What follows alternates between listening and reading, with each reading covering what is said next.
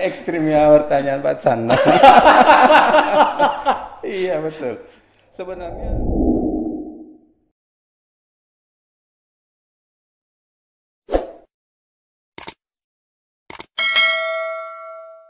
Iya, Ini kan sudah berjalan beberapa bulan ini betul.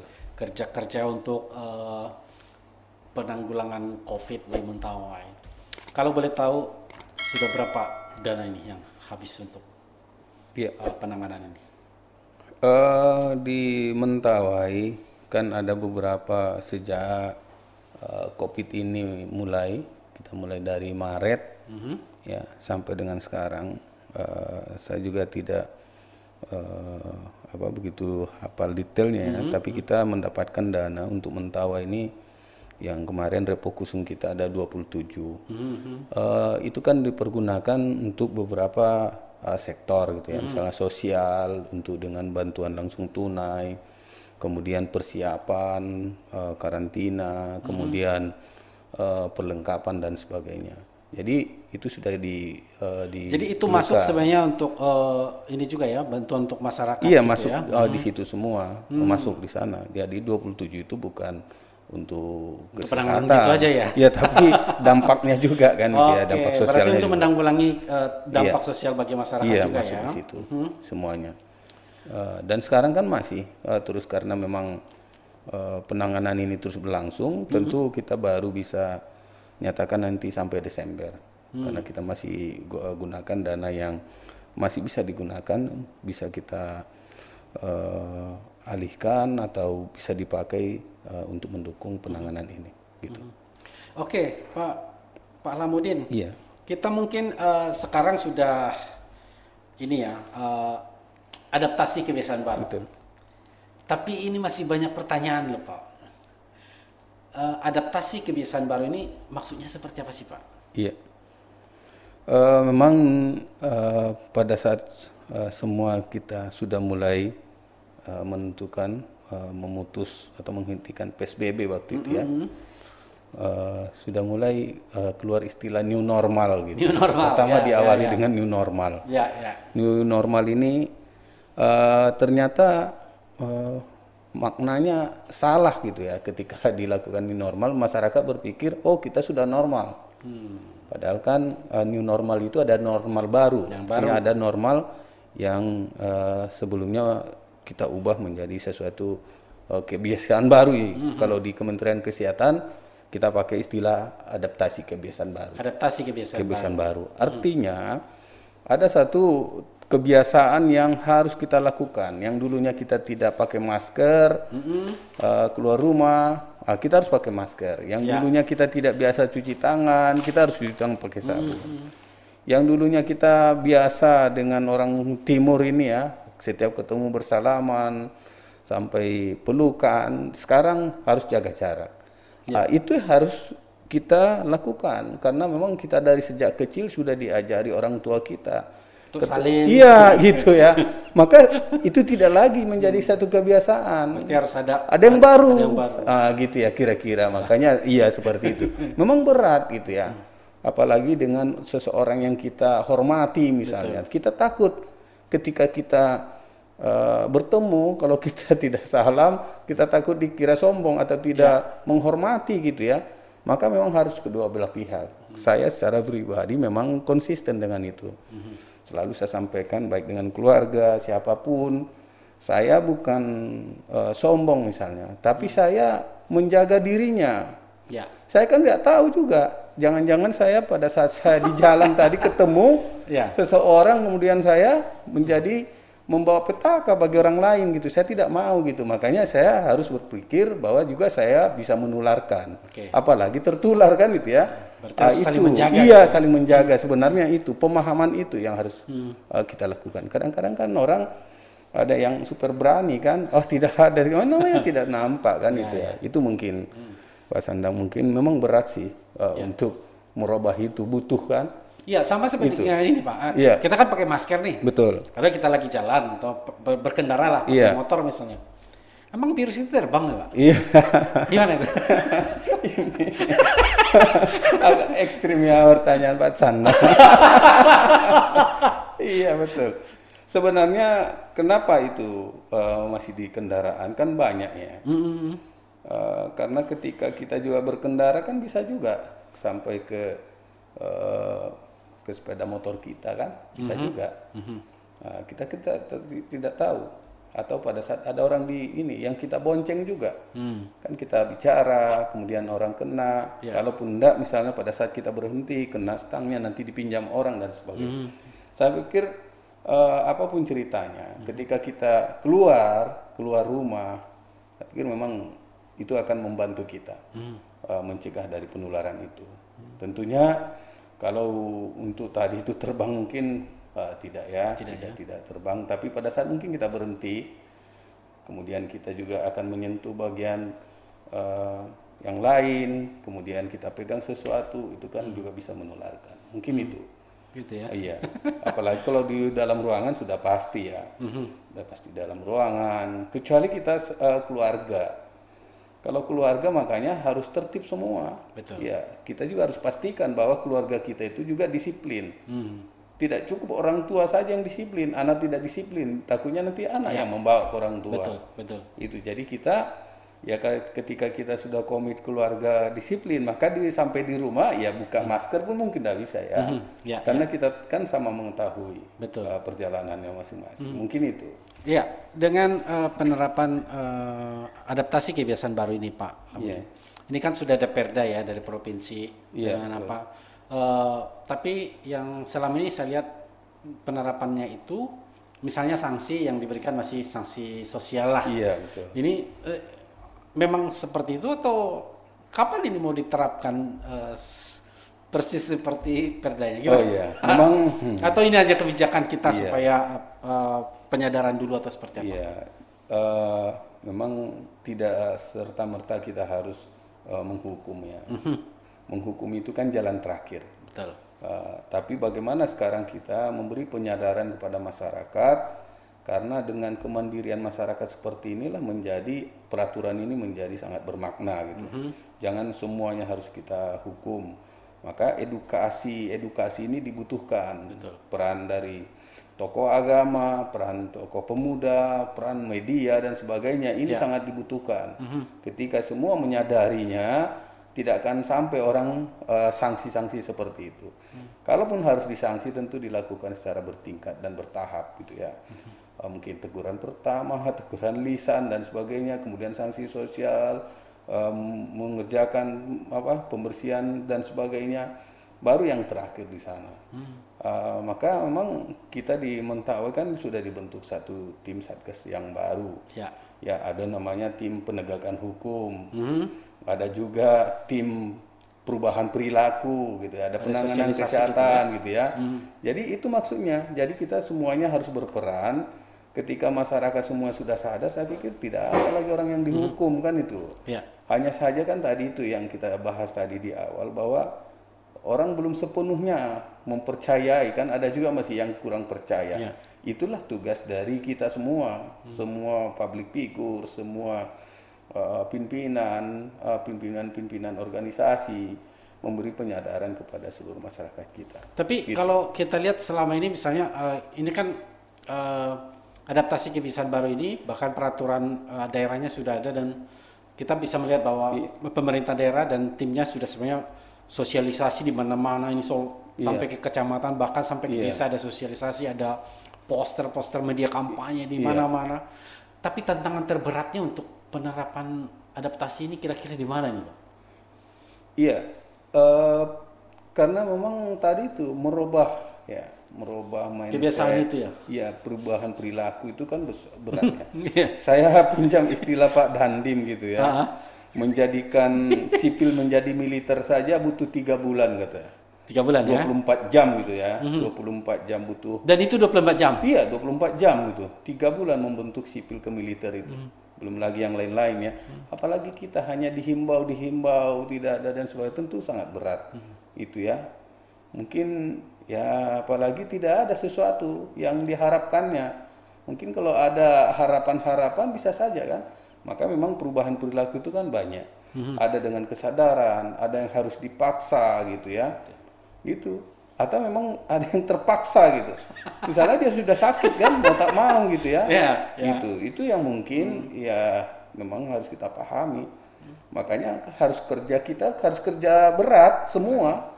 Tidak boleh bosan gitu. Saya dalam berbagai kesempatan selalu uh, menginstruksikan kepada semua teman-teman kita jajaran kesehatan jangan sampai bosan mengajak masyarakat kita untuk uh, melakukan gerakan proko, uh, protokol Prokes, ya? kesehatan ini. Jangan sampai bosan. Kalau kita bosan siapa lagi?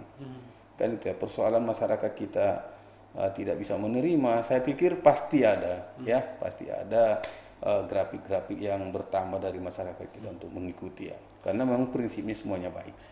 itu ya. Tapi eh, kita mau tahu juga ini Pak Iya. Lamudin. Iya, Pak. Ini kan banyak eh, di timnya ini kan banyak nih. Iya. Ada eh, apa Polri, ada TNI, ada Pamong Praja, Iya, ada Dinas Kesehatan. Iya. Ini seperti apa eh, sistem koordinasinya? Ah, ada ada hal yang menarik nggak dari kerja bareng seperti ini atau tantangan terberatnya seperti apa ini? Iya. Memang kalau sekarang kan sudah diarahkan kepada tupoksi masing-masing ya. Hanya saja dihimpun dalam satuan tugas gitu. Hmm. Eh, misalkan contoh kesehatan. Tentu kesehatan ini yang bisa melakukan penanganan dan yang diberi tugas adalah eh, Dinas Kesehatan dan RSUD. Maka itu ketika ada orang sakit, maka dua OPD ini harus bergerak gitu ya. Gitu. Karena memang itu yang diberi kewenangan. Ketika ada yang tidak disiplin, maka yang bergerak itu adalah di bidang penegakan, penegakan hukum. Ada Pol PP, ada TNI Polri, harus bergerak seperti itu.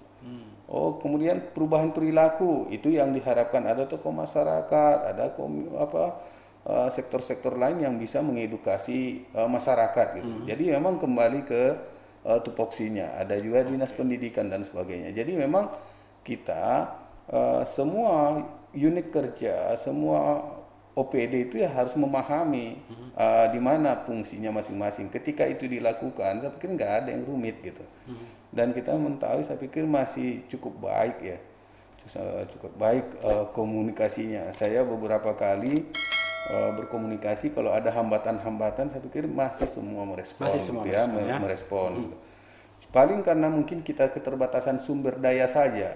Ya itulah hasil yang bisa kita lakukan maksimal. Oke. Ya kalau mungkin dibandingkan daerah lain dia sudah punya semuanya, tentu bisa lebih. Tapi kita ya seperti itu. Ya ya masih ada keterbatasan-keterbatasan. Tapi secara eh, tugas-tugas saya pikir masih ya masih dalam kondisi mulai dari Maret yang saya rasakan masih cukup ya. Ya, walaupun memang kita cukup letih juga karena uh, tidak bisa kita nyatakan oh ini mau selesai gitu ya. Ya. Kemarin kita sudah mulai santai tiba-tiba keluar lagi ya Betul. Oh ini dia.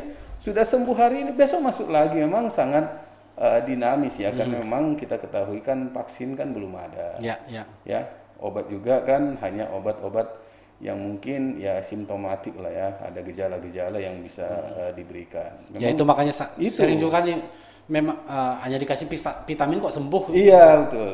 Karena memang 80% ini kan tidak diapa-apain juga sembuh gitu. Ya, vitamin itu kan bagaimana bisa memunculkan daya tahan tubuhnya sebenarnya ya.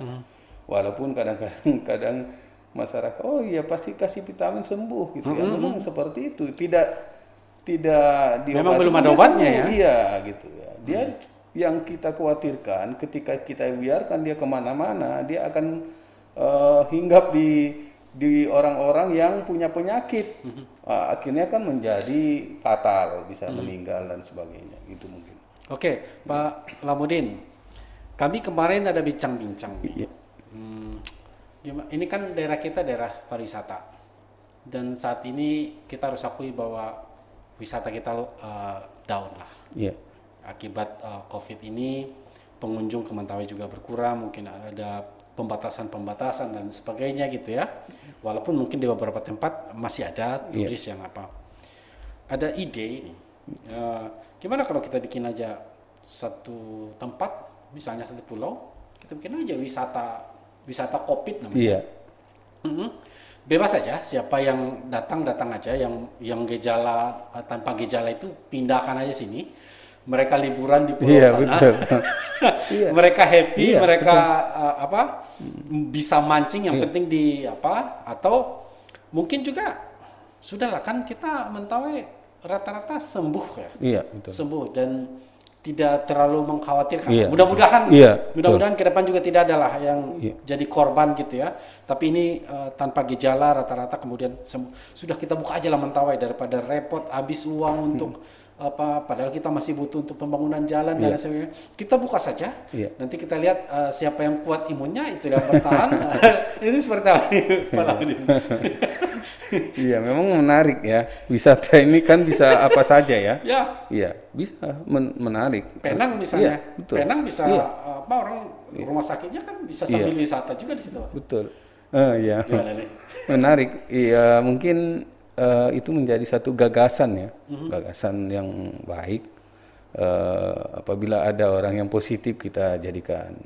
Ya, memang eh, tergantung kepada pemilik-pemilik eh, resort misalnya, mereka berkenan atau tidak untuk eh, bisa dipakai seperti itu, atau menyediakan langsung mereka dari Ya, sendiri. Saya pikir ini Gitu Pak, eh, misalnya kan kita punya homestay itu misalnya. Iya. Kita bikin lagi homestay memang punya pemerintah, Iya, kemudian betul. Yang Iya. eh, tanpa gejala itu OTG-OTG itu udah Iya. kasih kasih di situ, kemudian yang dari luar pun tarik aja. Iya betul. Daripada mereka di Wisma Atlet Iya. misalnya datangin ke Mentawai gitu, Iya, kemudian iya. mereka liburan, asik juga tuh Pak. ya, Pak. Iya betul. Iya, ya saya sependapat juga itu. Sempat juga menja- menjadi wacana kita. Ah, Uh, bagaimana membangun seperti itu kan. Hanya saja memang kembali kepada sumber daya kita. Ya, kemudian memang sangat berat ya kondisi eh, keuangan kita kalau sampai membangun seperti itu mungkin kita enggak. Tapi kalau bagaimana eh, resort-resort yang ada ini bisa berpikir eh, seperti itu, artinya pasarnya diganti ya. Ini pasarnya pasar Covid gitu Iya, ya. iya. Mungkin juga Tapi sangat yang menarik. Yang iya, misalnya. Iya, bisa seperti itu. iya, betul. Ya, jadi, Iya. Tapi kembali kepada tentu pengusahanya kan Iya. itu ya. Tapi kalau dari sisi pemerintah eh, ketersediaan anggaran kita mungkin menjadi faktor yang eh, menentukan gitu ya. Atau kita buka aja Mentawai ini Pak. Iya, Ya. iya, kan herd immunity kan ada. iya, iya. Memang itu kondisinya ya. Ketika kita buka, nanti yang kuat akan bertahan kan itu ya. Ya, memang sekarang kan pemerintah kan tidak eh, menutup, kan tidak boleh ditutup. Iya, iya. Hanya saja kan dengan prokes. Saya pikir ini juga proses pembentukan head immunity secara eh, apa ya pelan-pelan gitu ya. Karena saya pikir Iya. juga adaptasi ini juga kan nampaknya dia lama kelamaan juga kan ini pasti capek semua Iya, betul. Jadi kita em, apa namanya itu terus yang dipikirkan Iya. itu yang dikerjain. Jangan-jangan kita ini sudah mulai ini terbentuk ya. kan ini diserang, bertahan, kan kita nggak tahu ya. Atau kita Iya. ini ada yang sudah sempat terserang tapi udah sembuh Iya, kan bisa tahu. juga kan. Kecuali kita rutin misalnya sekali seminggu kita swab, sekali seminggu kita baru kita tahu. Hmm. Kita swabnya juga eh, kadang-kadang juga kan, gitu ya. Artinya sekali berapa. Makanya sekarang memang kita mencoba eh, dari sisi penanganan kesehatan minimal sekali sebulan gitu ya sekali sebulan kita harus swab paling tidak tidak sampai banyak orang yang kita tulari misalnya. Ketika kita eh, rutin sekali sebulan mungkin itu akan membantu daripada dia dikasih bebas ternyata nggak pernah swab dia dan dialah menjadi orang-orang yang menularkan gitu. Ini yang eh, kita lakukan Tapi eh, mungkin sekali sekarang. sebulan juga perlu tuh gotong royong apa buka ladang kayak misalnya ladangnya ini gitu kan kita bikin kan jadi Iya, asik betul. juga Iya, supaya mereka juga relax gitu apa ya eh, olahraga gitu ya betul memang jangan eh, terlalu kita bebani kan kalau kita bebani akhirnya malah imun yang nggak keluar kan Oke, boleh. tapi itu mungkin perbincangan kita Iya. saja. Mudah-mudahan ada beberapa hal yang apa yang Hmm. mungkin bisa ditarik eh, beberapa klarifikasi juga Iya, tadi sudah iya, Pak iya. sampaikan. Tapi mungkin ada pesan-pesan dari Iya. Pak Lamudin sebagai eh, juru bicara Iya. tentang eh, hal ini, bagaimana mencegah dan sebagainya. Mungkin ada pesan buat masyarakat. Silakan Pak Lamudin. Iya, Eh, saya menyampaikan kepada seluruh masyarakat bahwa eh, untuk penanganan COVID-19 ini belum ada obatnya, maka satu hal yang harus kita paha- pahami adalah bagaimana kita melakukan uh, satu gerakan disiplin uh, protokol kesehatan, memakai masker, mencuci tangan pakai sabun, kemudian menghindari uh, kerumunan, jaga jarak, ya, dan yang sekarang kegiatan-kegiatan uh, yang berhubungan dengan meningkatkan uh, perilaku hidup bersih dan sehat itu yang harus kita uh, uh, budayakan di tengah-tengah masyarakat. Mungkin itu. Kemudian kalau uh, kita uh, ternyata ada keluarga kita yang harus diisolasi, ya kita juga harus uh, bisa memaknainya hmm. supaya kita jangan tertular dan menularkan. Mungkin Baik. itu Pak. Terima kasih Pak Ramudin.